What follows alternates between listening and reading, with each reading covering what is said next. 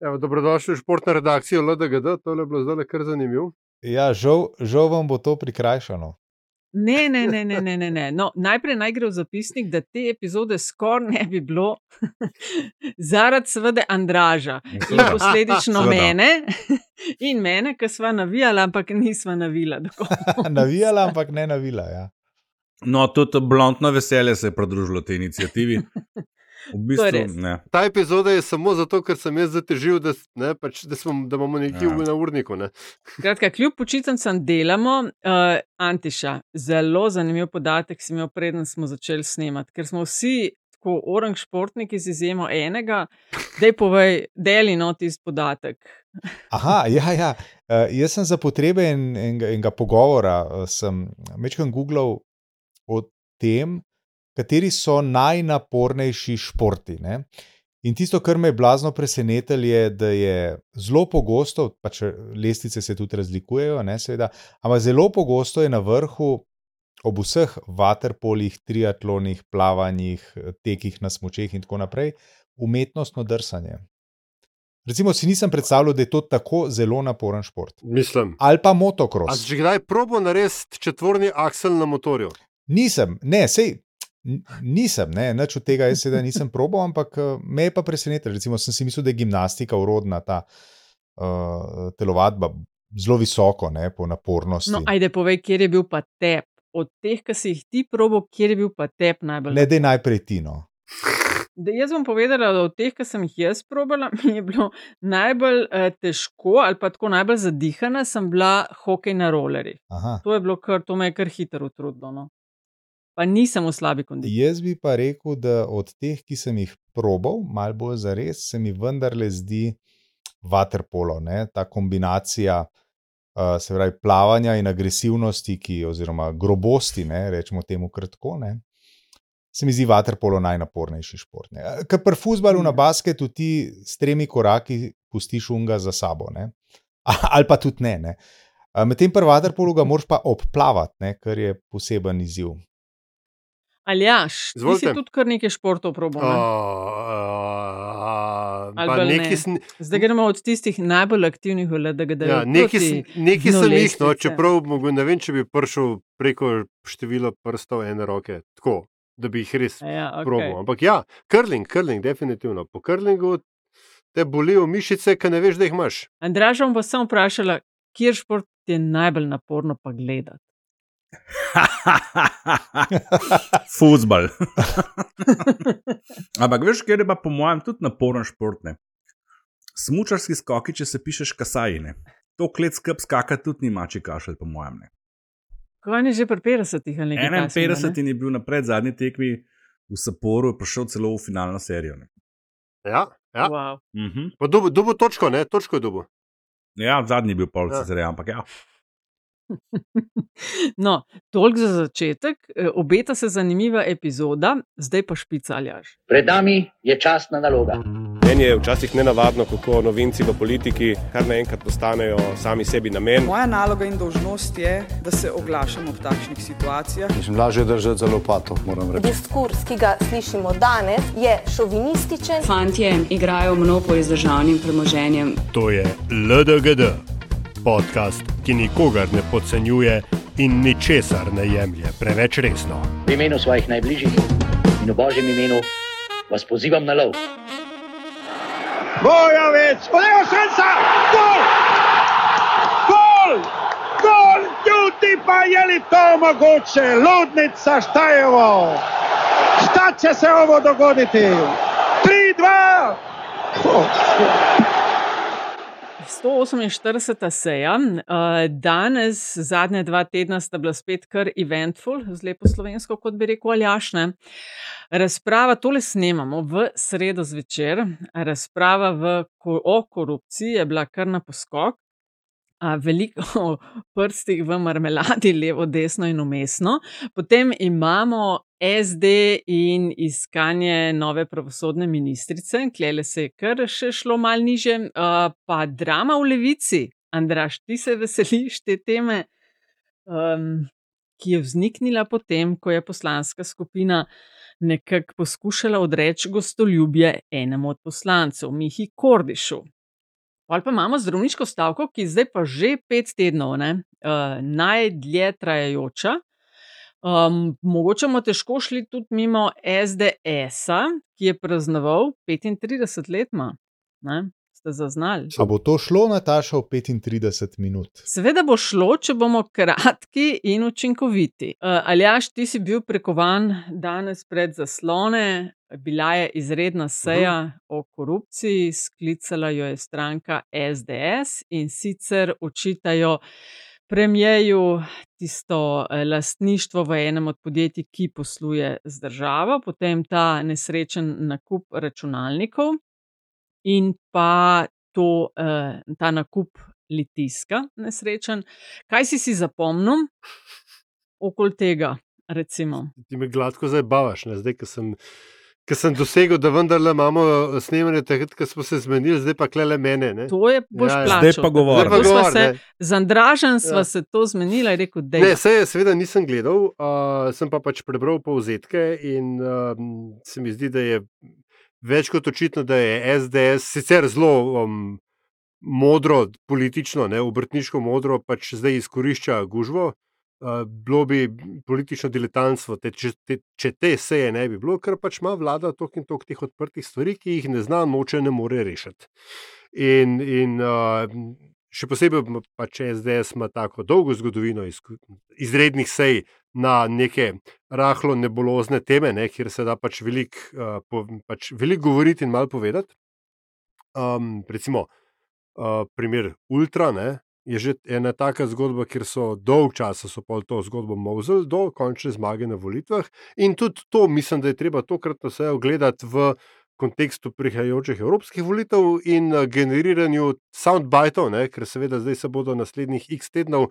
Pojavljali takšni in drugačni posnetki iz takšnih in drugačnih Twitter računov, ki, oglejno, glej, imajo vsi po vrsti dostop do visoko kvalitetnega posnetka seje in bodo pač delili tisto, kar si pač v stranki z velikim S želijo, da se pač deli. Da, ok, Antiša, kaj pa tebe pogreje v tej debati? Uh. Andraš, kaj pa tebe? Grel cel dan. Cel dan ne gledal te izredne seje. Ja, jaz tudi, no, jaz, jaz moram reči poslušalkam, moram povedati, da, da sem uh, smučal ne, danes tako da nisem bil pred televizijo. To se pa laže, niti, niti, niti minute nisem bil pred televizijo. Poslušalka, moraš povedati, poslušalce pa, ko jih je. Ja, vela, vela, ne, ne, vela ta uh, spolna. Spolna oblika velja za, obe, za, za oba spola. Ej, hvala, hvala. Ne, ne, on čakaj, se hoče čakaj. zdaj odkupiti, ker to treba povedati. Čakaj, čakaj, čakaj. Ja. Štefica, jaz mislim, da ne moreš povedati. Zaradi tega, ker je bilo name, kot bi se reklo, naslovljeno. Ne, ne, ne, je bilo, naslovljeno. Nataša, je tukaj, je, uh, tukaj je pa uh, glagol nasloviti uporabljen pravilno. Absolutno ne? pravilno, uh -huh. sem ja. hotela dodati, če ne bi uskakoval. Uh, skratka, Jaka me je opozoril na mastodonu, če sem opazila. Kot urednica Metine liste, da ima člana moje ekipe nominiranega za bodečo nežo Antiša. Uh, z svojo izjavo ne bodi tipična ženska in ne zabadaj nosu tja, kamor mu ni mesto. April 2023 so to ujeli. Ja, vem, uh, kako komentiramo? Radari, radari so bili na pozoru, ne, kako se reče. Kako komentiramo? Ja, je, predvsem sem bil jaz presenečen. No. Potem sem seveda šel celo zadevo poslušati. Ne. Uh, in bi se rad poslušalkam, pa poslušalcem, ki so bile zaradi ne, kot kaže, neposrečnega štosa prizadete, uh, bi se rad upravičil. Ne.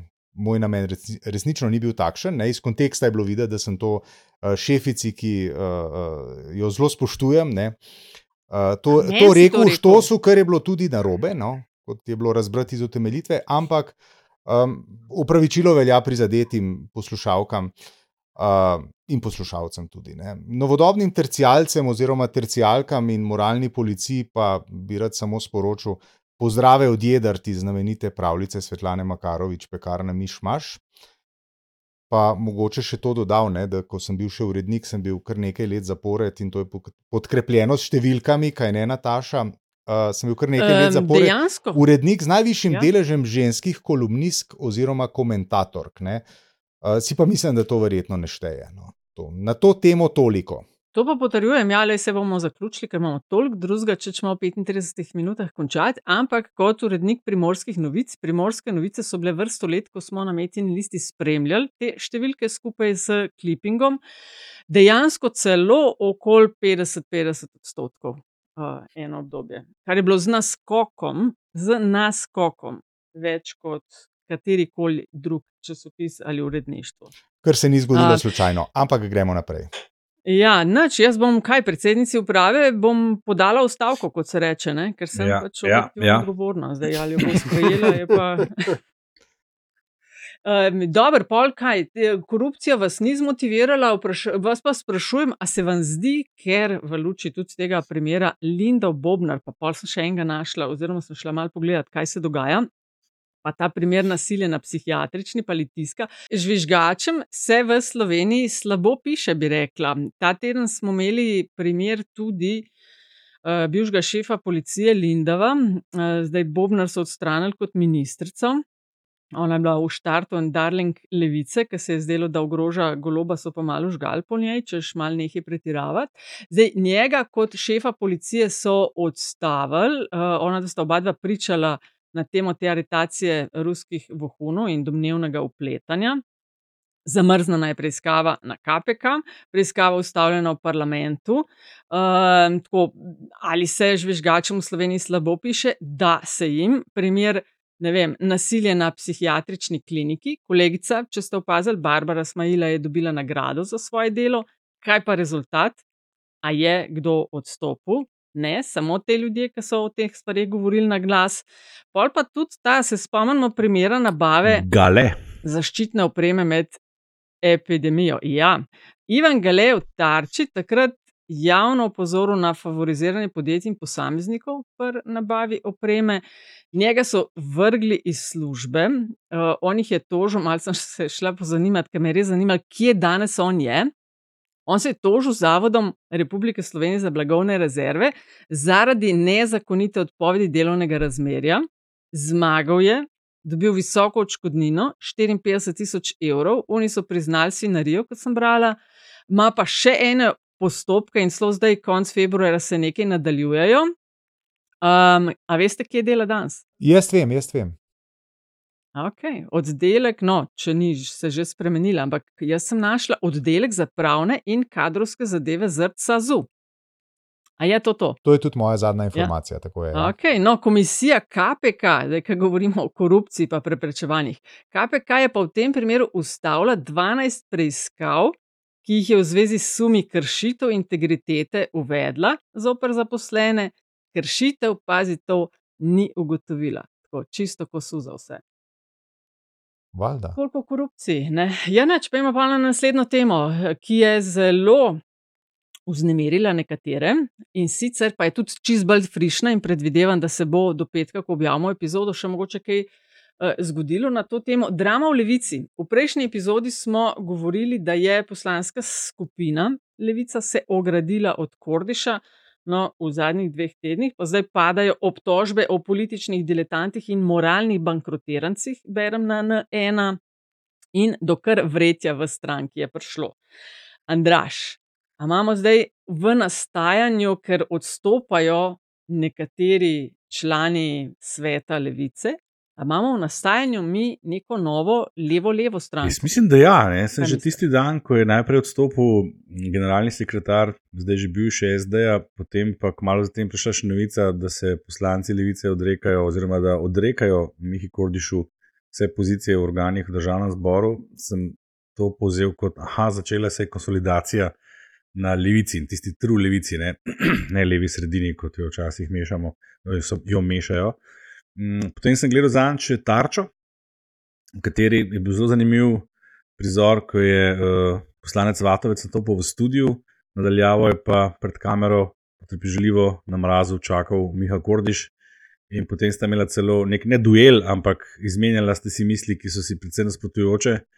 In na nek način, čeprav oba, predvsem Miha Kordiš, uh, govori, govori o tem, da ne, ne bi prali umazanega perila, počela točno to pred javnostjo. Uh, danes pa še ta novica ne, o odstopu, mislim, da je že petih članov sveta, vsi iz tistega krila ali tabora, kako koli rečemo temu, ki so podporniki Miha Kordiša, ki so pa ob tem namenili kar precej krepkih besed na račun poslancev, ministrov, dva od njih, ki sta stopila, sta predtem že uh, demonstrativno izstopila, tudi odstopila iz nekih pozicij, ki ste jih imeli na ministrstvu pri Luki Mesecu. Uh, in predvsem te težke besede, ne, ki letijo, um, mi dajo to sluto, da se mogoče res začenja en proces, ki se ne bo končal z uh, pomiritvenim kongresom, ampak prej nasprotno. Uh, Miha Kordiš je sicer za Ančo Tarči zelo jasno povedal, da se ne misli umakniti, Uh, mislim, da se tudi dosto verjetno počuti zaradi podpore, ki jo je dobil na tistih večkrat omenjenih volitvah za člane sveta, ker je dobil večjo podporo kot Luka Mesec. Ne? Ampak to, da je pa zdaj pet članov sveta, ki so njegovi podporniki, izstopili iz tega sveta, pa mogoče vse en kaže, da se pripravlja mogoče kaj, kaj bolj radikalnega, se pravi, v skrajnem primeru razkroj stranke in nastanek neke nove leve, leve levice.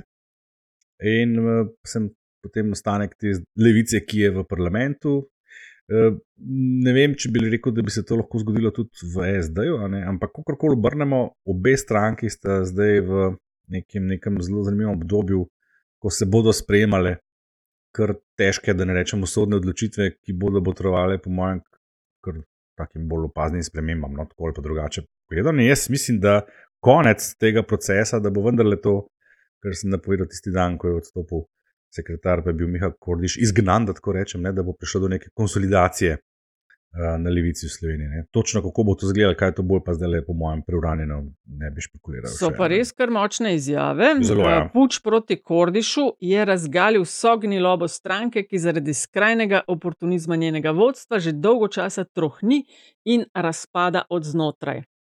Stanje je tako neznosno, da sploh ne gre več za to, da bi naši ministri v vladi pasivno kolaborirali z neoliberalci, temveč se sami postavljajo v spredje pri snovanju neoliberalnih ukrepov Antiša. A veste kaj, meni bi se pa tukaj eh, na tej točki, ko spremljamo zdaj pa v bistvu že eh, tretjo znotraj mhm. partijsko diferencijacijo v zadnjega pol leta, ne? najprej je bilo to Robert Pavšič pa Mojca Pašek Šetinc pol uh, Miha Kordiš v Levici in zdaj ima uh, še, še tole počasno izrinjanje trojice uh, nepodpisnikov izjave uh -huh. v SDS-u. Uh, meni bi se zdelo tukaj vredno nekaj upozoriti, oziroma pogledati nazaj. Uh, mi smo v zadnjih 30 letih že bili priča, ko so se znotraj posameznih strank močni, bili močni frakcijski boji, kar pa ni rezultiralo v tem, da se je nekoga, se upravičujem, brcnilo v rit in to čez noč. Ne. Iz česar bi si jaz upal potegniti en sklep, ne, da vendarle pred 20 ali pa 25 leti so bili na čelu strank ljudje, ki so se politiko znali iti, ki so dopuščali možnost, da nekdo razmišlja in v nekem bom rekel, um, omejenem obsegu, celo deluje drugače, kot je morda uh, v, v interesu uh, takratnega uh, strankarskega vodstva. Danes smo, smo pa priča v vrhu slovenske politike uh, politikom, ne, ki te stvari rešujejo zelo uh, holcersko, bom tako rekel. Ne. Če se ne strinjamo, adijo na svidenje, hvala lepa, igre za koga drugega. Skratka, ta um, uh, neka vrednota upoštevanja drugačnega mnenja, uh, drugačnih konceptov, drugačnih pristopov je lahko ob ustreznem negovanju tega, ali pa bom rekel z besedami uh, Roberta Goloba, naslavljanju teh razlik, lahko v politiko prinese tudi novo kvaliteto. Tega v zadnjem obdobju, v teh zadnjih treh primerih, o tem ne moremo govoriti mi se ne strinjamo, hvala lepa, Dio, nas je več, ti si eden, dvojka, čau, tam le so vrata, si vržen iz stranke. Dvojka. To se mi zdi slabo za politiko kot, uh, kot obrt, za politiko kot poklic, za politiko kot neko dejavnost, ki vendarle, no, mogoče sem naiven, ne, uh, bi morala še vedno delovati uh, za skupno dobro in tudi za promocijo nekih, uh, nekih pozitivnih vrednot. Ja, mislim, Marija, ja. pa tole Ja. povedal. Ampak vemo, o čem govorimo. No? Jaz upam, da sem dosti jasno povedal. Ne? Mislim, kle, kle, kle, veš, kle je več stvari. Ne? Eno je, da imaš ti na splošno, vsaj v zahodnem svetu, ne imaš ti pač ta trend, a, kaj se temu reče, tribalization. Ne? Se pravi, da politika postaja vedno, spet vedno bolj plemenska, kar pomeni, da je pripadnost, lojalnost plemenu tisto, kar definira tvoje članstvo v krogu. Ne? Oziroma, če te, in če te lojalnosti, če te lojalnosti ne izražaš dovolj pogosto in na predpisan način, potem te pač pleme izvrže. Ne? Uh, in to, to ni eh, značilnost samo slovenske politike, to se dejansko dogaja posod. Najve, najbolj tak eklatanten primer imamo zdaj, recimo v pač ZDA, ne, kjer je pač treba poljubljati prstan, uh, nogo in še kaj drugega. Donaldu Trumpu, če hočeš biti uh, spoštovan član republikanske stranke, imamo tudi primer v, v, v, v Veliki Britaniji, ne, uh, kjer pač ni več prostora za odklonska mnenja v tahi, predvsem konzervativni stranki. Mislim, da gre večinoma tukaj gre za krizo, niti ne toliko vrednot, ampak krizo tega, kdo smo in kaj gremo in, in kam gremo. Gre za krizo programa, če hočeš. Ne. Gibanje Svoboda je ti, tipičen primer voditeljske stranke, ki je pač ona koagulirala okrog uh, um, uh, Roberta Goloba z programom, ki je bil tako zelo enostaven, da je bil konzumiran prvi dan, ko je bila vlada zaprisežena in to je pač, da Janez Janša ni na oblasti. Vse ostalo je uh, stvar debate. Um, levica se mi zdi, mislim. Sveda, SDS je spet eklatanten primer tega, ker se je skozi 35 let, ne srečno novo leto, SDS drugače, se je točno to delalo, lojalnost uberales, to besedno. Ne? Levica je pa drug primer, po mojem. Tukaj se pa v bistvu je pa to, kar ti praviš, ne? Notranja demokracija, ki je, da rečemo, narekovaj, šla izpod nadzora, ampak ravno zaradi tega, ne? ker ali bo po moje, ali pa ne bo, in pizdava materna, če, ne bo, če moje ne bo, jaz grem. In to, se, in to je ključna napaka, ki jo Miha Kordiš eh, zdaj naredil, eh, ki jo pa pripisujem pomankanju izkušenj. Ker to je pa, Ante, še se mi zdi tisto, kar je ključno uh, v tej pač, um, romantični epizodi, ki se je opisal. Ne? Vsi ti ljudje, ki so pred 20-25 leti krojili slovensko politiko, so bili v tej politiki že nekaj časa. Ne? Iz SZDL-ja, ZSMS-ja, ZK-ja in tako dalje. Ne? Miha Kordiš pa nima teh izkušenj. Ne? In on, njemu se je zdaj zgodilo, da je njegova partija prišla na oblast in on je. Slavo Žižek bi verjetno rekel, lepa duša. On je zdaj šokiran, da, o moj bog, treba je sklepati kompromise, treba se je za kvot in kvot neoliberalce pogovarjati, čeprav ne mi kdo razloži, kaj je bo mater, je neoliberalnega v največjem zvišanju pokojnin v zgodovini. Mislim, odkot pare, ne? to bi vidva rekla. Uh, ja, skratka, ampak ok. Očitno v življenju vsakega levičara obstaja še večji levičar. In... Skratka, Andra, uh, Aljaš, navijaš. So, sorry, ja. sa, sa, sam to, sam to, sam to ker sem pripeljal do klimaksa, sem zdaj pripeljal. Ko je Jozef Stalin prevzel komunistično partijo, on ni, njegove ljudi niso odstopali iz politbroja, on je poskrbel, da je še več njegovih ljudi v politbroju. In če mi kako rečeš, mislil narediti revolucijo ali pa institucionalni udar, je to napačen pristop. Tvoji ljudje ne smejo odstopiti. Ja. Ali jaš točno citirani oziroma omenjeni Džugašvili ne, je rekel, da problem je človek, ne. ni človeka, In ni problema. rešil veliko problemov. Ne?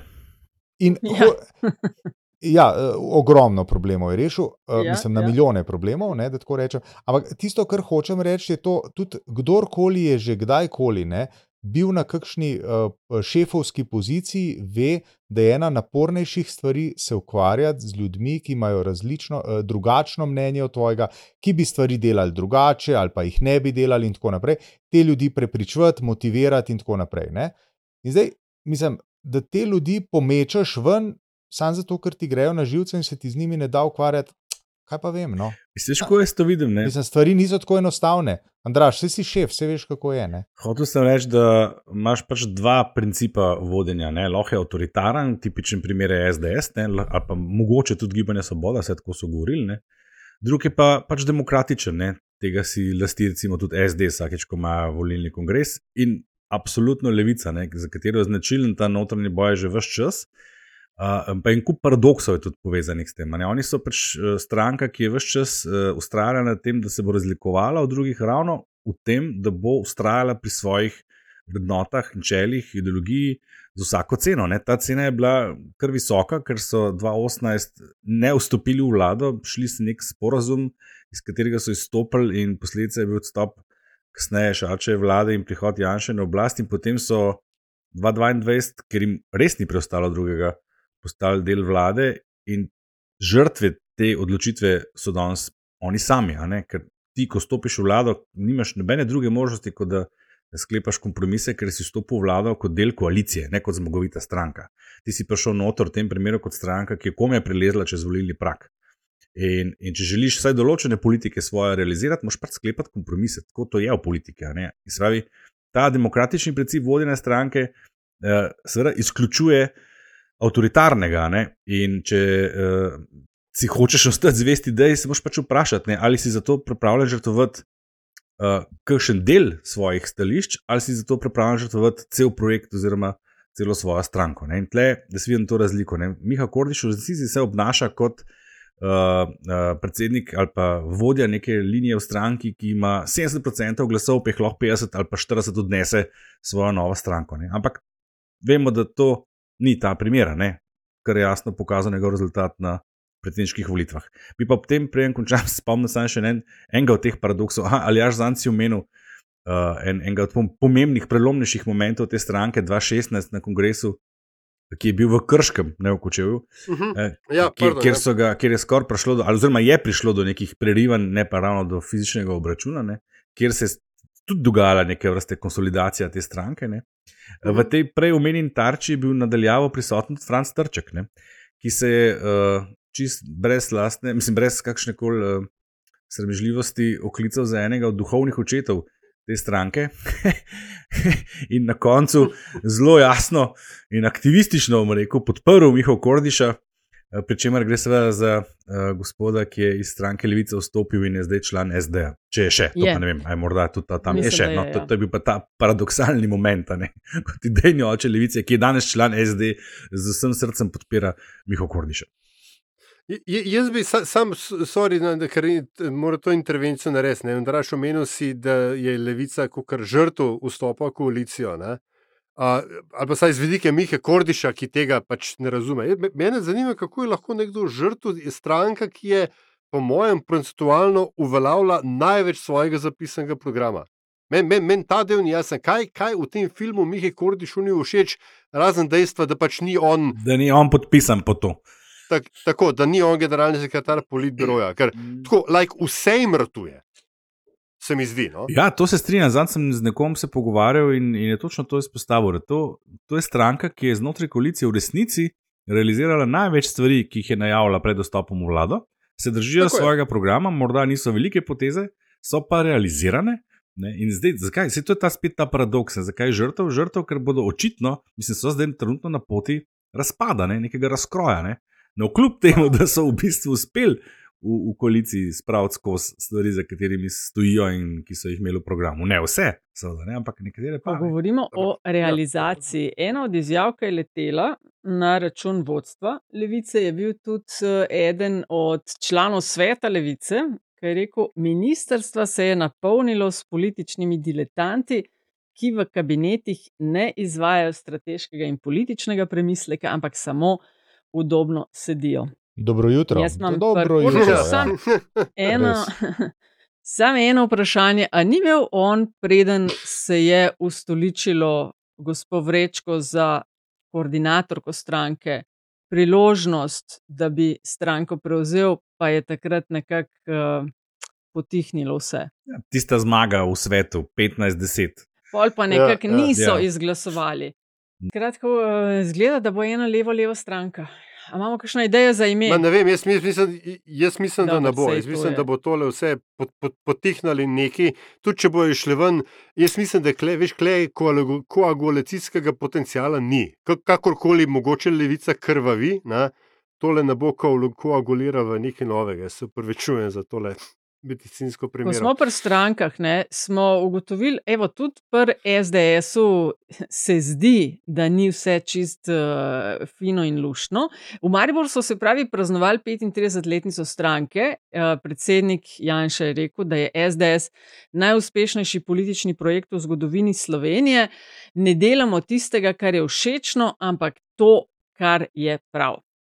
Zdaj pa na tem uh, srečanju ni bilo uh, Logarja, Irgal in Kaloha, ki so bili na koncu med tistimi, ki niso podpisali izjav lojalnosti SDS in Janezu Janši, ki pravi, da bo očitno nastala stranka poslancev, ki ne sledijo volji voljivcev. Zdaj, potegnile so se že ene dodatne poteze v zvezi s tem, če se ne motim. Mislim, da grozijo eh, ali pa so nepodpisnikom dali vedeti, da jih SDS ne vidi več, ker niso bili kaj med predlagatelji sprememb poslovnika državnega zbora, ki jih je vložil SDS. Grozi jim skratka, da ostanejo brez položajev v parlamentarnih delovnih telesih. Zdaj, če me vprašaš, bi itak naredili s tem. Uh, predvsem logarju uslugo, ne, ker je, vsaj kar sem gledala, poda podatke na parlamentu, je bolj malo v službi, uh, tako da ne bo velike izgube, če ne bo v teh odborih sedel. Ne. Se pa čistko za, na parlamentu tudi ne, uh, kao je pa ni član stranke. Ne. Glasuje kot SDS, on ima 99 plus odstotno ujemanje z glasovanjem, recimo Jelke Godec, ki je vodja poslanske skupine, pa Anja Bah Žibar. To je tako hardcore SDS, toliko o tem, koliko uh, logar ni, pa je SDS. No, ampak uh, ne vem, Antiša, se ti to zdijo bolj predstave za javnost, ali vsem temu pripisuješ, mogoče počas, da pa vsem mogoče gre za kakšne odklone.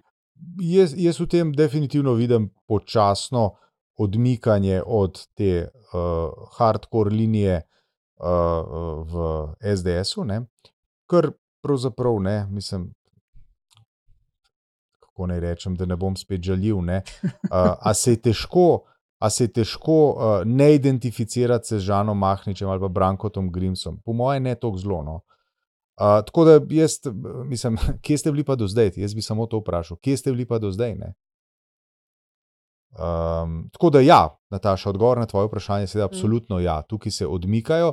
Kaj se bo pa zgodilo? Mene vedno, uh, mene vedno zanima to, kaj se bo zgodilo in v, v katerem trenutku se bo to zgodilo. In jaz še vedno bi stavil na scenarij, da se uh, predvsem uh, uh, Anžel Logar in Janez Janša uh, zelo močno držita en drugega za vrat, ker zelo, zelo, zelo veliko veste eno o drugem. Je samo vprašanje, kdo bo prvi pritisnil tisti rdeč gumb ali kako koli, če smo temu metaforično reči. Ali ga, pa, ali ga pa ne bo. Ne? Mislim, jaz bi močno dopuščal, da rdečega gumba tudi ne bo. Uh, zaradi tega, ker bo v bistvu sta oba ugotovila, da če se gre v frontalni spopad, je to uh, minus za oba. Tukaj nihče pol ne zmaga. Ne? Bi bil neodločen rezultat, pa orang poškodbe na obeh straneh. Ja, seveda, ne. negativ sam game, ali kako se temu reče. mm -mm. Ja, zdaj, če gledam, Andraš, mislim, če bi tako zelo šlo za kakšno odpadnika, se mi zdi, da bi SDS-ova medijska kamarila že skakala na glavo. Tako se mi zdi, da je pa vse mirno. Uh, Tomc, recimo, evropska poslanka, je glede logarja rekla, da temu v naši stranki rečemo demokracija. Vsak ima pravico, da se odloči, kakor ve, in misli, da je za njega najbolje. Dost nežno se mi zdi, Andraš. Mislim, to, kar si na začetku omenila, če bi, mogoče pa ravno to razlog, zakaj tako ne izstopajo v resnici iz te stranke, ker bi se v tem primeru res zgodila zagotovo medijska gonja proti, proti odpadnikom kot takim. Ne? In ne vem, če so pripravljeni na to, predvsem pa, če se jim to zgodi dve leti pred volitvami, kjer ne bi nastopili, jih to lahko absolutno pokoplje že v štartu. Mogoče pa to razlog, zakaj delajo to tako počasi. Tle se še vedno ne čisto točno, ne gre za uigrano, uigrano igro, ali, ali je to dejansko nek, nek poskus odhoda na zelo mehak način, ravno iz strahu pred vsem uh, možnim pogromom, ki bi temu lahko sledil, oziroma bi sledil, Uh, da, gre to, da gre v bistvu za tak uh, postopen sestop z oblasti, kot so ga v Zvezi komunistov izvedli konc leta, konc leta 1989. Um, Zanj sem zasledil izjavo od uh, uh, Leša Hojsa, se mi zdi, da je bila, je bila od Grimsa, Juj, zdaj pa ne vem. V zvezi z Logarjem. Ne, v zvezi z uh, ja, odnosom med Janšo in uh, Logarjem, češ, da če pa sta to res dogovorjena, potem si pa oba zaslužita enega Oskarja. Mislim, mislim, da je bil hoj, da je bil hoj. igranost. Ne? A je bil ja, hojsa, ne? Ja. Ne? Pa si človek vpraša, ne? če hojs to reče, ne? kaj to pomeni. Ne? Da je to res ali da to ni res. Ne? Vemo, kakšne so bile hojsove izjave v preteklosti. Ja. Mm, Torej, jaz, jaz še vedno dopuščam to možnost, da gre pač za. Mislim, Logar je definitivno dobil krila, njemu, njemu je zrasel greben, njemu, njemu se je takrat verjetno uh, mrski spremenil, premaknilo v glavi, ko je videl številko voljivcev, ki so ga podprli v drugem krogu. S takim političnim kapitalom bi verjetno malo kdo uh, rekel, zamahnil z roko in rekel: Eh, to ni nič. Ne. Spomnimo se, Mm, mm. samo recimo Marena Šarca, ne. tudi on je naredil enako, ne. on je dobil tudi nekih koliko takrat v drugem krogu 300 tisoč koliko glasov in se, se zelo približal Morotu Pahorju in ne mudoma, kmalo zatem ustanovil stranko, na, na volitvah pa prišel na eno tretjino tistega, tistega, tistega volilnega telesa. Ne. Da mogoče tudi to namik za Žeta Logarja, da ni vse zlato, kar se na predsedniških volitvah sveti. Zdaj, Logar v nastopih v bistvu spet nima kaj povedati. Ne? On govori, kako ostaja član SDS-a in da bo v tem ritmu delal naprej. Tako z eno se mi zdi, da z eno taktiko povuci potegni, pa nisem ja odavde nadaljuje to, kar je vse od predsedniških volitev, oziroma že v kampanji za predsedniške uh, volitve. Če pa pogledamo, ne, seveda. Se mislim, da smo v ene parih epizodah prej že o tem govorili. Zadnji dve javnomnenjski raziskavi od Medijane, pa ni na medije, sta ga kažeta, se razlike niso velike, ampak je na prvem mestu. Ne. Zakaj bi spremenil Aljaš to taktiko? Sploh kaj povedati, če pa očitno deluje. Mislim, deluje zakaj? Deluje zato, ker tudi on ni pod nobenim drobnogledom. Veš, že logar je varna izbira ljudi, ki um, se jim studi ta hip ne, izbrati kogarkoli od nosilcev oblasti. Ker kaj je Anželo? Anželo ni popolnoma nič drugega kot poslanc. A Ne, en čist navaden poslanc, ki pač glasuje po partijski liniji in ki se, uh, ki tako kot polovica eh, slovenske in hrvaške glasbene scene živi od stare slave. Ne? To, kar je Andraš prej rekel. A, um, v resnici, uh, če v, mislim, v hipu, ko bo on na kakršni koli, uh, v svetu kakršnem koli špilu, za katero koli funkcijo, bo on moral ta stališča zauzemati. To isto se je Marjanu Šarcu zgodilo, to isto se je zgodilo Miru Cerarju. In bo ta, in, in bo, in bo ta priljubljenost strmoglavila. Ne? In, in tisto, kar je uh, ključna razlika, Marjan Šarc se je na neki točki odločil in je šel Olin. Rezultat je bil, kakršen je bil.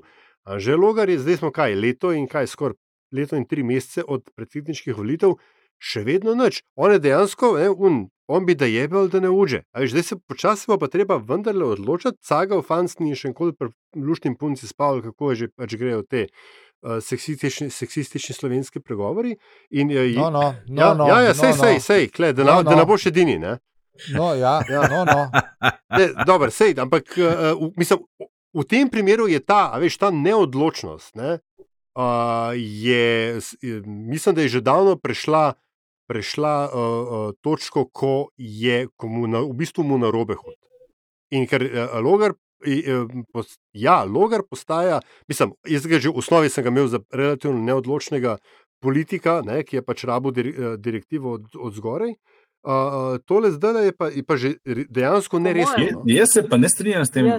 To je tudi nekaj, kar mu vsi učitajo, pa, pa vse čas pa ki je. Pa, a veš, eh, dokler ni on in oziroma ta platforma pripravljena na to, jaz tudi na njegovem mestu ne bi tega počel. Ker, kot ste sami rekli, v trenutku, ko se bo začel resneje opredeljevati, ko bo, ko bo ta nek izstop ne, iz stranke SDS postal uh, nepovraten, da tako rečemo. Ne, Potem se bo zgodil pogrom ne, strani SDS medijev, to je dejstvo. In, in če Že na to nisi sa- pripravljen, potem lahko pozabiš na uspeh tega projekta. Ne pozabi, ne, čakaj, Ve, ne sa pozabi starimo- na, na, na projekt Ja. ja. Gregorja Viranta, s katerim ga je min grede Janša tudi primerjal nedavno a ne, in govoril o Virantu številka dva, uh, v katerem, ki je imel v začetku strašno visoko podporo. Ne? On, ki je prišel na prizorišče, so mu zmerili, mislim, da v nekem trenutku celo 30 odstotkov, pa sta bila dovolj dva neposrečena nastopa v nekih predhodnicah tarče, da je zgrmel in na koncu pristal na desetih pri volitvah. Skratka, uh, jaz, jaz to vsem vidim, bolj verjetno se mi zdi, tako bom rekel. Ne? Pa če bi že mogel staviti, bi stavil bolj na to opcijo, da se pripravlja,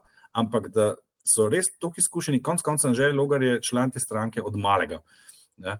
Tudi nekaj za sam poudaril, od, od, od omladinca, tako Mhm. rekoč. Ne? On zelo dobro ve, kako se bodo te stvari odvijale, kako se bo začelo za res. In dokler nisi na to res pripravljen, da imaš v zadnje eno močno zaledje, pa zdaj ne govorimo samo o številu podpornikov, govorimo o številu ljudi, ki so neposredno vključeni, ki bodo sodelovali pri tem projektu aktivno, do tega, kdo ti bo seveda na koncu dneva ne, ne pomembno finančno podporil cel projekt. Do takrat, dokler imaš tega res v nulo razdeljenega, jaz tudi ne bi počel nič drugega, kot počne zdaj, ker mu gre zelo dobro od rok in to kaže njegova vrstitev na lestvici priljubljenosti. Ker v anketah um, podpore strankam ga pa seveda ni. In to je natanko tisto, kar, on trenutno, kar mu trenutno zadostuje. Ne. Tako da jaz to čisto razumem in ne vidim tle nekega pritiska, da bi mogel, moral zdaj pa ne vem kaj že narediti. Pa dej, Po mojem tudi ne. Po po Ja, mojem mislim, tudi sej, ne. gled, respectfully disagree, kot se reče v lepi slovenščini, ampak veš, problem je tem, o- on, o, o, njega, vsako potezo, ki se zgodi, mu jo drugi mu jo, mu jo naredijo. Janez Janša, mu, a da zdaj so od njega zahtevali, da Pa mu ni podpiše, škodilo, ne? A, a, um, um, pač, um, ta Pledge of Allegiance, ne, zvestobo maršalu, pa ga ni. Ne, a veš, obliku, dogo, dogodki mu oblikujejo odločitve in to ni dobro. Jaz mislim, da smo mi že v parih prejšnjih epizodah povedali, da 16 ljudi spremlja politiko, to, ki jo spremljamo mi, pa tri poslušajo od njih LDGD. Ker se pogovarjaš z običnim človekom, kdo misliš, da je. No, le, še vi, ki spremljate politiko, delate uh, politiko v nekih oblikah, vas to zanima. Roke gor, kdo je gledal tole danes korupcijo. Nač, pogledal boš, pogledal poprečen človek, če bo večerna poročila in to je to. Politika jih začne zanimati en mesec, dva meseca pred Že volitvami. sem hoče, dajte smo me poslušati. Vmes bodo ja. logarju oblikovali teren na način, ko njemu ne bo koristil. To je, to je ta minus. Razumeš? On njemu pusti, da mu drugi oblikujejo teren. Kle, kle je ta njegov. Tukaj bi jaz, tukaj bi jaz bil bolj, skoraj mogoče malo na Aljaževi strani, ne? ker jaz mislim, da na koncu se moramo pa vprašati, čakaj malo, kaj pa ti delaš tukaj? Ne? Jaz sem, a veš Politik, kaj? politik, oprosti, sam dovolj. Ja. Uh, politik, ki je pač seveda prvovrstni politik, ki se pa ne obnaša politično. On se, on se ne obnaša politično, on nima konceptov, torej nima, sam memo se radi, pa sodelujemo. Ne? Nima konceptov, nima alternativnih predlogov, nima, nima um, rekel, uh, z ničemer ne hod ven, uh, da bi nagovoril ljudi. Se pravi, se Ne lahko še. vprašamo. Ja, ne še, sej, ampak cajt pa gre. Ne? To, Ampak dovolitev, ampak dovolitev še dve leti. Mislim, Meni se zdi ta vajna pozicija, zdaj, ko si se že postavil na stran. kampizem, Uh, se se gremo, mi ja. zdi, meni me zelo spominja na, na uh, situacijo, ko je imela Ljudmila Novak še kot predsednica, pa tudi kasneje še, um, kar močno izraženo, tudi izraženo podporo različnih uh, voljivcev ali pa javnih osebnosti celo, ampak nihče od njih, od njih je pa potem ni volil. Mislim, jaz mislim, da Anžel Logar te, v tem trenutku tega res ne potrebuje. Jaz mislim, da če ima res za cilj priti v parlament, da, da gre po pravi poti, ker uh, morda ne gledamo z pravega, z pravega aspekta. Jaz trdim, da, na, da je desno od sredine obstaja volilno telo, ki nima svoje izbire, ki pač iz tega ali onega razloga, pa verjetno jih ni treba niti zelo uh, globoko iskati, ne more in ne bo nikoli podprlo Janeza Janše, uh, in ki je hkrati precej oddaljena od NSA-ja, ker če ne bi bilo konec koncev, bi NSA to že pobrala, ne? verjetno zaradi tega krščanskega pedigreja. In ta del voljivcev, po mojem mnenju, ni majhen in čaka na nekoga, ki bo njih uspel nagovoriti. In jaz mislim, da on to ve. Če bi iztrčal prek malo, kot smo kdaj rekli, bi se mu pač zgodilo lahko marsikaj. In če bi prišel v, v meritve javnega mnenja, vemo, kako to potem naprej funkcionira, mogoče še malo bolj, a ne. Uh, bi se ta podpora, Si veš, kar rekoč naenkrat, strokovnjak, ne. ja, tako rekoč, ne hitro, hitro lahko podrla, ne tako, kot si preveren tu in ko bi prišla enkrat, pa, veš, ko si pa enkrat v javnomnenjski raziskavi tam z enimi 4-5 procenti, pa, pa kar nekaj nisi več privlačen, tudi za unek, ki, ki so mogoče še malo predtem s tabo simpatizirali. Ker Slovenci pa, pa nismo sami taki. Ne. Zelo ljubimo zmagovalce in dokler nimaš ti ene podobne številke, ne boš uspel mobilizirati še dodatnega števila voljivcev, ki ti lahko prenesejo Če potem gledamo- pa bolj občutek moč v parlamentu. a ne. Če gledamo te Štefica, mi dovoliš eno priljubljenosti- vprašanje? Ja, no, daj. A, a mi dovoliš? Ker, eh, Me res zanima, Andraš. Oziroma imamo za cajt gotovi.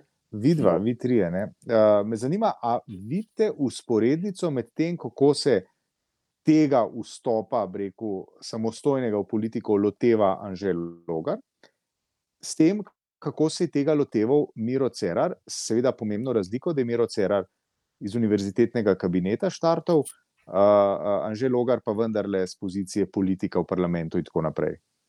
A tukaj bi se videle kakšne usporednice ali ne? Ker seveda, vse se spomnimo, ne? Cerar je tudi začel s kolumnami, pa z udeležbami na, na, na uh, okroglih mizah, pa tako naprej, pa tako naprej, kjer je bilo sporočilo, da je sodelovati, da je skupaj delati za državo. A vidite tukaj kakšne Okay, ampak? Cerar je bil, on je bil v tistih nastopih, ki se je pol leta pred volitvami, kar oran, ki je bil dosegljiv za medije, se je v svojih javnih nastopih kar konkretno opredeljeval do stvari. pol leta Medtem- pred volitvami, Nataša? Ja, On saj je se- to gradil, sigurno dve, če ne več let. Ja. Sam Antiša, a ti trdiš, da je on to gradil s tem namenom, da bo potem par mesecev Jaz- pred volitvami vstopil? Seveda, ne. seveda. Absolutno ne. Ah, jaz pa Absolutno mislim, da ja. Plan, ja, ja, ja. Ne, Jaz pa mislim, da dve, ja, tri leta prej, jaz pa mislim, da ne. Mislim, ambicije so bile, zdaj pa počakati na prav trenutek. Ne, ne, on je definitivno to gradil Ja, pošteno. Morda prej. leto predtem, a veš, kaj več. Pa po mojem, ne, ne vem, to je zdaj leto. No. A, a nismo imeli intervju z njim, a smo imeli, nismo. Smo. Uh, No, ja. imeli, ja. Minister. je imeli bil priložnost, da bi ga vprašali, ga niste A je vprašali. bil, dajte me vi spomniti, dajte me vi spomniti, a ni bil on ena od rešitev za tehničnega mandatarja v katerem obdobju že? Uh, Je Prebrat, bil, ne? Bratušek, Misliš, misliš Bratušek. 2012, Na mesto, 2013, na takrat? mesto, no, evo, Ja. ne, 2012-2013, ne? pa ni bil edini, ne, ja, verjetno. ne, on je pač. Seveda ne, ne. Ampak takrat je verjetno, potem čez nekaj let je začelo, to je bilo 2012-2013, on je zmagal 14, ne? se pravi, dve leti je sigurno tega, ne? ker je on bil Ma, v mislim, orbiti. A On je bil doskrat v medijih pozvan kot komentator, pač po eni strani ustavni pravnik, po drugi strani profesor eh, pravne fakultete. Ne, normalno, da je bil izbran. Uh, in je pač komentiral. Še tako zdaj, Antiš, opažam, da se zadnje čase, odkar si privatnik, tudi pogosteje pojavljaš v medijih. Ne vem, a snuješ novo stranko? Au, daleč od tega. Daleč od Ja. tega. Ja, ne vem, lej, ne, mogoče, mogoče si pa ti novi obraz. Se pripravljaš na to, kaj pa je Gledaš v napačno smer, prijatelj moj. Jaz bi tukaj sam z eno stvarjo bi eh, re- resno polemiziral ne, in to je z tezo o fantomskih desno-sredinskih voljivcih, ki komaj čakajo svojega, ne vem, udršenika. Ne. Jaz mislim, eh, pač z vsem dolžnim spoštovanjem ne, do tako rekoč strogovnjaka, jaz mislim, da teh voljivcev ni, ker bi jih, ali pa vsaj ni v dovoljšnem številu, ker bi jih sicer pa že davno nekdo pobral, če ne drugega, Nova Slovenija za svojimi premiki v podjetniške, podjetniške politike, pa jih ni. In, in, in vsi ti voljivci iščejo, in jih ni. In to mislim, da je eh, pač luč na koncu tunela, ki eh, se približuje na želogar in se bo pač izkazalo, da je vlak. Tu, ti moram uh, ostro nasprotovati. Ne. Uh, nekdo se je že našel in jih pobral, in to je bil Gregor Virant. Tistih volivcev ni potem pobral noben drug. Jaz trdim, da je uh, ta volilna baza preveč oddaljena od Janša zaradi njegovih osebnostnih lastnosti in po drugi strani od NSI zaradi krščanskega pedigreja. Gre za desno sredinske volivce, ki nimajo z vero blage veze, ne tudi nočejo imeti. O tem govorim. Da ni, ni a veš, jaz trdim, da jih je vsaj 100 tisoč na trgu, ki bi jih logar s svojo neko desno-sredinsko zmerno politiko uspel nagovoriti. Pogumne številke, kolega, pogumne. Je pogumne, saj to je to, ne, kaj lahko to govorimo, čez dve leti bomo pa videli, kdo ima kaj prav. Po dveh letih se, se veš, aljaš, kot ti ra- rad rečeš, da je en teden v politiki velik, kaj šele eno ali pa dve leti, ko bojo naslednje volitve. Sam še to dodam, preden gremo na naslednjo temo, ne, meni se pa stil, ki ga je ubral uh, Logar, bolj zdi podoben temu, kar je zadnjih deset let delal predsednik Borut Pahor. Uh, politik z najdebelejšim CV-jem v Sloveniji in olala let najpriljubljenejši, v desetih letih pa enega konkretnega stališča do ničesar ni dal. Ni, ni bilo videti, da bi mu škodilo. Zdaj, koliko se kdo s tem strinja ali pa ne, ampak jaz tudi tole gledam zelo podobno na Logarjevo kot uh, Andraš. Ni Jaz bi, sam, jaz bi sam še to dodal, predno končamo to temo, ko je Antiša spraševal sporednice z Mirom Cerarjem. Že Logar je za razliko od Mira Cerarja že od svojih mladih let v politiki. On ima izkušnje, on ni amater. Miro Cerar je prišel v politiko kot poln politični amater. To je ogromna razlika. Pojdimo na SD. SD v zadnjih eh, dveh tednih so se odločili, da bodo aprila imeli izredni volivni kongres, da bodo izbirali zdaj ne vem, novo vodstvo ali pa mogoče potrdili nazaj staro. Za predlog zamenjave Dominike Švarc-Pipan pa je zaenkrat v obtoku eno ime, pa manj da naj bi bilo še kakšno, ampak eh, Andreja Katič. Ah, kaj zdaj? No, A zdih. smo dosegli, z- nismo dosegli dna, smo dosegli Če, dno. če smo začeli s športnimi primerjavami, lahko nadaljujemo. Ne? Očitno imajo e, v SD-ju krajšo klub, kot smo domnevali na začetku, na začetku tekme. Ali pa si nihče ne želi biti. No, sej, sej to je to. trenutku, ne. Ja, ko- Katič je že bila kandidatka. Sej zato, ja. Tukaj Pa jo je spomniti, prehitela po desni Švarc-Pipan, ki jo je favoriziral Ki golob. Ki je takrat rekla, iz lastne stranke sem dobila nož v hrbet, če se spomnite. Ne? Tako. Ej, a veš, kaj imam jaz eno idejo za vlogo, ki jo je odigrala v zadnjih tednih? A veš, kaj bi mogel golob narediti? Se mogoče so že to zmenjeni. Imenovati jo za komisarko. Evropske volitve. To, pa, A? to pa vse malo, ne vem. No. U, si mi pa nekaj drugega dala zdaj, mislim, Nataša. Gi- a, Povej. Gibanje Svoboda seveda še ni izdalo liste in špekulira se, da ne bi igrali na oba obstoječa evropska poslanca nekdaj Seveda. izvoljena kot člana LMŠ. Kaj pa če bo Dominika Švarc-Pipan prva na tej listi? Tudi se je omenjal. Ja. Jaz mislim, da bi jo lahko izkoristil za nekaj v zvezi z evropskimi. Dvomam pa, da bo šla na mesto številka tri ali niže, ker je vprašanje. Eno skoraj gotovo dobijo. A veš kaj, mislim, Naprej jaz- pa vprašanje. Zdaj, ko je SD do neke mere neutraliziran ne, in dovolitev res ni več veliko, ne, jaz mislim, da SD v najboljšem primeru lahko računa na enega poslanca evropskega, plus en poslanec letos je več na voljo. Uh -huh. Uh, se mi zdi, da se ravno zaradi tega gibanje Svoboda odpirajo vrata do dveh. Ne? Uh, in nič narobe, če bo Dominika Švarc pipa na tretjem ali pa četrtem mestu. Spomnimo se Milana Brgleza pred petimi leti. No, le bomo videli, ampak Milan Brgles je mogoče z malo drugačnim uh, imidžem takrat vstopil v dirko, kot bi zdaj Švarc-Pipan. Ampak ajde, le. Švarc pipa je peta na lestvici priljubljenosti, sam povem. Sam povem, da je naslednji mesec ne bo več, ker ni aktivna. Ne bo aktivna več političarka, takšna je napoved. Tako da. La, la, la, šlek, šlek, šlek, korenček. Razen če ne da prej na listo, pa bo ostalo gor. Ful. Uh, ok, pa smo počasi pri koncu, zdaj zdravniške stavke zadnjih dveh tednih. Je Benčič, smo imeli tisto uh, grozljivo afero želodec, pa kako me zadihaš, what the fuck, imamo že afero prostata. Mhm. Pa pri tem bi še dodal uh, novico o tem, da je nekaj zdravnikov UKC Maribor in Ljubljana umaknilo svojo izjavo o strinjanju, ali kako se že tistemu reče. Uh, Priklicali so umik z. Uh, Priklicali Bilo v- umik ja, soglasja. Ja, tako nekaj takega, ja. tako, Ja, nič, roke gor, Stranka ne gre prav, ne, ne gre Ja. v pravo smer. Ne. Ne gre. Po mojem je to, eh, seveda, vsi imajo neke svoje strategije, tudi te dve aferi z Lufta se nista zgodili, ne? ker ni nobena se včeraj zgodila, ampak imate ne ene druge datume tudi. Tako da, po mojem, sta tudi bili v eni funkciji. Um, imam občutek, da se bodo hitro zmenili. Roke gor, gor, kdo misli drugače, Antiša.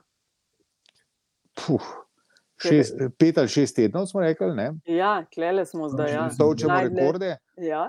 Ne, v, Javna duhu, v, duhu vladne, v duhu vladnega PR-a bi lahko rekli uh, najdaljša v zgodovini. Ker mi imamo zdaj najviše dvige v zgodovini, pa vse zgodovinsko, Ja, pa ja. tudi stavko imamo najdaljšo v Rekordno. zgodovini. Ja. Ravno, Ja. pa pa Ej, ne. veš kaj, jaz mislim, da je mislim, ta stavka zdaj traja koliko, že pet tednov. Šest, Mislim, da šest smo v šestem, ja. v Šestem tednu, ne, Eh, ne gre jim dobro od rok. Ja. Ja. Res jim ne gre dobro od rok.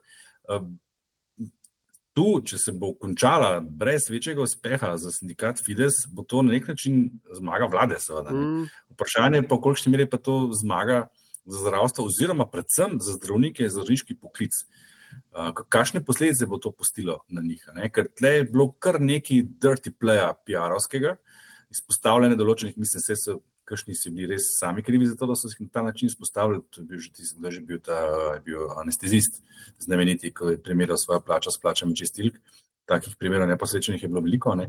Uh, in tudi ta novica, današnja, snemamo v sredo o, o neki nepotrebni operaciji uh, prostate, če se ne motim. Uh, je imela ob tem zraven še pojasnilo, da se takšne napake zgodijo trikrat na leto, vsaj, če ne večkrat. Ne? Se pravi, to je nekaj, kar je bilo prisotno tudi prej, samo vedeli smo za to. Ne? Tako da, veš, če bojo na ta način izgubili to stavko, ne? ta svoj boj, bo to pustilo, po mojem, predvsej slabe priokusa v ustih ljudi, ki nas zdravijo in ne vem, za koga bo to res zmaga. No, ko smo pri zmagah, nas odpeljem do politbizarke. Antiša, čestitke za zmago v 11. krogu. Tvoja izbrana politbizarka SD Poezija je nabrala 51 odstotkov glasov. Tako da um, drugi je bil Chick Fight, uh, Dominika Švarc, Pipan Prednik, potem pa Golobovi agenti in Andraš, konkretno ustajenje, zelo lepo na poti v novo zmago. Sem imel, a sem imel, a sem imel več kot 5%. Imel si 8. Osem? Imel si 8, ja. Ja, kar velik No, si dobil. Več kot konkretno na še malo potruditi. Evo, Antiša, izvoli, ker si zmagal. Kaj je tvoja nova bizarka? Nova bizarka je Klemen Boštjančič, oziroma na ključja, po katerih uh, se uh, mu na predavanjih oziroma dogodkih, za katere je verjetno zahtevana tudi kakšna kotizacija, oziroma pričakovana v publiki, prija, pojavi njegov sin, ki, ki študira. Na zadnje je bilo to v Londonu, prej pa menda po poročanju dela, tudi že v Tokiu, ne, kjer, je, kjer je mladi Boštjančič študiral. Skratka, um, ko si ti enkrat minister, ne, potem ti mora biti jasno, da te gledajo na vsakem koraku. In če tudi ni ničesar narobe s tem, ali nič narobe, tudi če ni nič narobe s tem, da se ti sin znajde tam v tisti publiki, kjer ti nekaj predavaš, oziroma sodeluješ na okrogli mizi, da rečemo, da gremo mi dva potem na večerjo ali pa na pivo, temu se pa izogn, zato ker pač ne. Si ne želimo tega, da se znajdeš. Ampak ne, Klemen Boštjančič je celo nekaj lobiral, kot je bilo razumeti poročilo v medijih, da se sina spusti na to konferenco, kar se meni zdi narobe in tudi bizarno. Ja, mogoče, če dovolite, bi jaz nadaljevala, ker uh, je še kar gibanje svoboda, oziroma Aha, ne, se ni. ne. Ne, se ni. Uh, kaj, a sva se zmenila? Nekaj so se zmenila, po mojem, bož, da sem jaz prej. a? Uh, no, pa da, veš, ajde. Jaz bi zelo na kratko, po mojem, ena najkrajših bizark ever, ki se glasi: SDS skliče izredno sejo državnega zbora o korupciji. Pripis in pri tem ne gre za samo reflektivno potezo. Ok, uh, dve bova na račun te seje o korupciji, na katero na začetku niste imeli kaj povedati. Ampak mene so pa, uh, poleg tega, ne, da jo je sklicala stranka, ki je mogoče med zadnjimi, ki lahko sklicujejo uh, debate o korupciji, prsti v marmeladi. Imeli smo od, od puške v koruzi, smo prišli na prste v marmeladi. Meni je bila ta seja, kolikor sem jo uspela videti, je šlo za obtoževanje en drugega, kdo je bolj ali pa manj koruptiven. V bistvu tekmovanje v tem, kdo bo bolj žmohtno rekel, da bo zvečer na televiziji ali pa v Cajtangih. Tako da jaz to nominiram uh, za politbizarko, to obmetavanje, kako se vsi borijo proti korupciji. Pa sem šla pa pogledat Transparency International indeks percepcije korupcije, ne? ker sicer lahko imamo take in drugačne pripombe na ta račun, ampak ko smo na visokih mestih, se s tem hvalimo in to so ene številke, s katerimi se operira. Mi smo na 42. mestu, eh, najslabš v zadnjih desetih letih potočkoval, v zadnjih nekaj desetih, dobrih 20 letih pravzaprav. Tako da mislim, da smo bili samo 20, leta 2000 pa 2001 je bila ta percepcija še slabša, sicer pa očitno tako slabo, kot je že dobri 20 letji. Ne. Toliko bo v teh debatah o korupciji. Aljaš. No, da, za razliko od dva od dveh bom pa jaz uh, se lotil SDS-a za uh, bizarko. In sicer uh, moj naslov moje bizarke je SDS, kutak za ružne. Kaj ti, danes že večkrat omenjeni, že Logar, Eva Jrgal in Dajan Kaloh niso podpisali izjave, da ne bodo izstopili iz stranke in poslanske skupine Jada, Jada, Jada. Ne?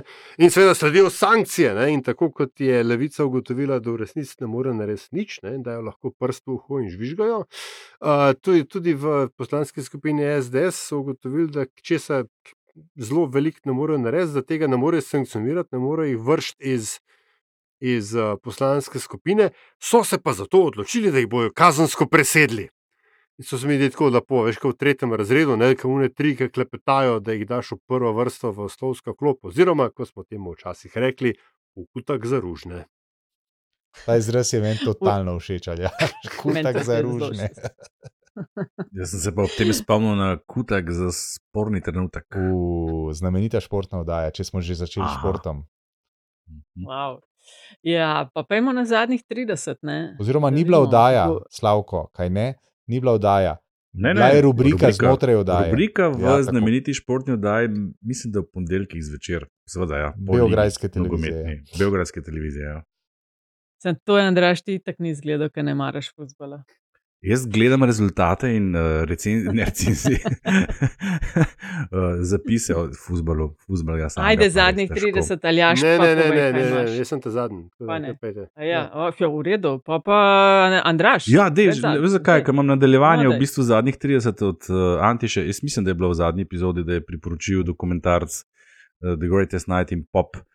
Um, Kmalo zatem me je na HBO Max doletel dokumentarc z zelo preprostim naslovom Quincy, pa zdaj ne vem, Antiša, če si ga slučajno že kdaj priporočil, ker je Sem, res veliko eh, nisem, dokumentarcev. ga ga? pri, nisem ga priporočil, sem ga pa gledal, zanimivo, tudi, okay, na, Okej, tudi ja. ja. na Netflixu je. Ne, Ja, tudi ja. Neskončno Ja, ja. zanimiv, res, kakšen E, car to, je no, to. to, kar hočem povedati, ne, da, da je bil uh, v tem dokumentarcu dve urni, ki je mene impresioniral, ker vsi vemo, kdo je in kaj je ustvaril Quincy Jones, ampak da je pa toliko stvari ustvaril in Res, tako življenje res. živel, in da je gospod še vedno živ, by the way. Ja. Uh, s takim lifestylem, to se mi zdi pa tako neverjetno. Uh, uh, zanimivo pri tem pa je, zakaj se navezujem na tvojih zadnjih 30, ker je ta We Are the World večerne. To snemanje je not umenjeno na hitro, pa mislim, da nima kaj več kot 5 sekund. V, v dve uri dokumentarcev o tem, kaj vse je on v življenju počel. Ja. Tisti dokumentarc od Antiša je v bistvu 5 sekund v dokumentarcu o Quincyju. Zelo priporočam, gled pa zelo na hitro, da ne bom pozabil, to pa nujno, sploh za vse, ki imate otroke, ki jih imate lahko vsaj za izgovor, da boste to pogledali. Uh, preteklo nedeljo je bil na TV Slovenija ena v tistem popoldanskem terminu, ker imajo krasne mladinske filme, uh, srpsko-hrvaški film Poletje, ko sem se naučila leteti, po knjižni uspešnici Menda, bestsellerju. Res je. Uh, krasen, topov, duhovit, mladinski film, par excellence. Uh, se pravi, otroke imate lahko tudi samo za izgovor, če pa ne, pa jih absolutno posadite pred televizijo in dajte to zagledati. Zaključil bom samo z legendarno, nekateri so celo jokali. Uh, ne vem, če nisem Andraš iz tega v preteklosti enkrat že priporočil, ker sem imel knjigo? zelo- Uh, uh, uh, film, uh, uh. -huh. Poletje, ko sem se naučila leteti, zelo lep film, res. Uh, Mhm. uh, uh, ga je za pogled. Bom nadaljeval in bom enega Andraža izvedel zdaj le. Uh, in bom priporočil nekaj, ne, česar si Mhm. še nisem uspel ogledati. ne. Uh, in to je razstava v Cekinovem gradu ob 40. obletnici Sarajevske olimpijade, srebrne igre 1984. Uh, mislim, da je to zelo, zelo zanimiva razstava. Nisem jo še videl. Sem jo imel pa prejšnji, zdaj pa paste to prejšnji teden, oziroma ja, prejšnji teden, mislim, da je bilo, uh, ali pa v začetku tega tedna, namen ogledati si jo. Namreč vodu naj bi po uh, razstavi nihče drug kot Bojan, naše blondno veselje križaj. In zdaj si predstavljajte, da jaz pelem svoje družinsko blondno veselje pogledati to razstavo, pa teh blondnih veselj je to v enem samem muzeju, da se ne drek dela iz njih. Ampak, Da se skra- hiša podre. Ja, skratka, srebrne igre 1984 v Cekinovem gradu, mislim, da zelo obetavna razstava. Da pa je treba iti videti. Ja, Čakaj, pa eno vprašanje, Antiša, a to je že Ja. mimo, da je Ne, mislim, veselje? da, za, to še bo. Uh, mislim, da je blondno veselje oddelalo, uh, oddelalo svoje, odstopil je, hm, ne vem, pri katerem. No, se ta količku, del ne. me zanima. Ja, mislim, da je to že za nami, ne, odpeljal je, kar je imel za odpeljati. Uh, razstava je pa sicer, mislim, da do začetka maja. Maja ali pa aprila, ne bom trdil. Mhm, Skratka, treba Ja. iti. Um, jaz pa priporočam film The Outfit na Netflixu, sem ga gledala. Uh, film, o katerem se v bistvu ni slišala, pa jaz nisem slišala veliko. Na Berlinaru pred dvema letoma je bila premjera. Tako eden od trilerjev, kriminalnih dram, tako da do konca ne veš, kaj se bo zgodilo. V glavni vlogi je Mark Rylance, upam, da sem prav izgovorila priimek. Ga boste spoznali definitivno po imenu, mogoče ne tako zelo. Zgodba se dogaja v Chicagu, sredina 20. stoletja, v krojaški delavnici, glavne stranke so pa gangsterji. Zelo skromen budžet filma, tudi ne prav zelo gledan, ampak za me čisto odkritje. Tako od začetka do konca, zelo neambiciozno sem šla v ta ogled, na koncu pa wow. Se pravi, The Outfit na Netflixu. Podpišem, sem gledal, gledališka A ne, da? igra v filmu, čudovito. Wow, top je bilo, res. Um, Aljaš. No, ja, zdaj sem se končno zbrala ne? in uh, moje priporočilo, oziroma mojih uh, zadnjih 30, pa namenjam uh, koritom, mrek, koritom mostnice pri Stari Fužini v Bohinju, kar sem uh, na podlagi um, zelo um, bistrega in, in, in um, prijetnega priporočila uh, odkril prejšnji teden, ko sem tam uh, z Mularijo. Um, nisem vedel, da to obstaja, ne? pač si v Bohinju greš jezero, slab savica, vogo, gor dol, ampak evo, korita mostnice so bila odkritje za me, morda bodo odkritje še za koga drugega. Uh, vsekakor jih toplo priporočam tudi v mrzlem zimskem času, ker je, ker je res zanimivo in uh, čudovit tak naravni, to, naravni pojav. In nekatere pravijo celo najlepša naravna znamenitost Bohinja. Mhm, pa hudičev most Tako. vidiš, pa še nekaj do aprila, ni vstopnine. No, evo, vidiš, Štefi vse ve. Ja, ja, ker je tam. Zato je pa. Tako, Hudičev most, mimo grede, je dal zgraditi baron Žiga Cojs, zato da, je, da so mu lažje vozili železovo rudo dol v dolino. Še neoliberalc. Ste šli po eni strani dol, pa po drugi gor, do gostilne, Ja. do slapu. Uh, ne, ne, ne, smo se, se otrokom, se, po, po se jim ni več dal, pa smo se obrnili, pa šli nazaj. Pol, no, za, eno uro, zdaj za eno uro je bilo v redu. a veš. Ja, ja, dosti posla. J- Jaz bi za konec sem Štefi vprašal, sprašujem za prijatelja, seveda, če je kakšen retrogradec slučajno na obzorju. Veš kaj, uh, na 1. aprila pride, ko imamo rojstni dan. A to se, zdaj, bo pa to letos? se hecaš, no, dej, pa, Ne, se Pa ne velika ne, ampak noč, se pa prosim- freča rosa v Pa Sloveniji. čakaj, ne 1. se zabavati, pa te zgodovinski, ne. datume imam naštudirane, je benti do konca leta. 1. april je, 1. april je ta drugič, mislim, končal se je v začetku januarja, 1. april spet pride, pa pa avgusta, pa pol novembra. Ne se zabavati, to so resne stvari. Sej, veš, kaj me pa najbolj moti, prsem skrb. Vse veš, kakšno je bilo dogajanje zadnje dva meseca. Ne? Totalno mi bojo zjebali algoritem za retrogradca. Pol se bo pa začel, ne bo pa noče benti. Ja, to je to. Ampak kdo še kaj zapovedati, še kakšno za konec, ali naredimo in postavimo piko? Zanimivo za epizodo, ki se trem od štirim ni dal sploh posnet in je bila na koncu Na posneta s koncu. konsenzom, da pa danes pa za prgmah, a prmej, ne prgmah, prmej 35 minut, končujemo In pri eni uri točni. in 8 minutah. Odlično. Pa saj jih je Ne, bilo. ne, ne, ne, pa še špica, to je Dvakrat ni prav. pet. Jaz bom 35, še izkoristil. Nataša, za konec bi še en, en, en pozdrav bi rekel. Ne. Uh, tik pred snemanjem zadnje oddaje je iz druge roke do mene prišel pozdrav od naše poslušalke Une, ne, ki je jaz sicer osebno ne poznam. Uh, pa bi samo uh, sporočil, Una, še naprej nas poslušaj, lepo te pozdravljamo. Uh, če smo pa že čestitamo in pozdravljamo, bi pa jaz tudi pozdravil našega novega, navdušenega, zvestega uh, poslušalca, ki je mi zaupal, da je za novoletno darilo, a pa rojstno dnevno, še eni drugi zvesti poslušalki naredil šalco z motivom logotipa LDGD. Zelo Zapekel dobro v izgleda. pečici. Zapekel v pečici. Ja. Priklon, priklon in lep pozdrav obima. Tisti je zgledal zelo dober.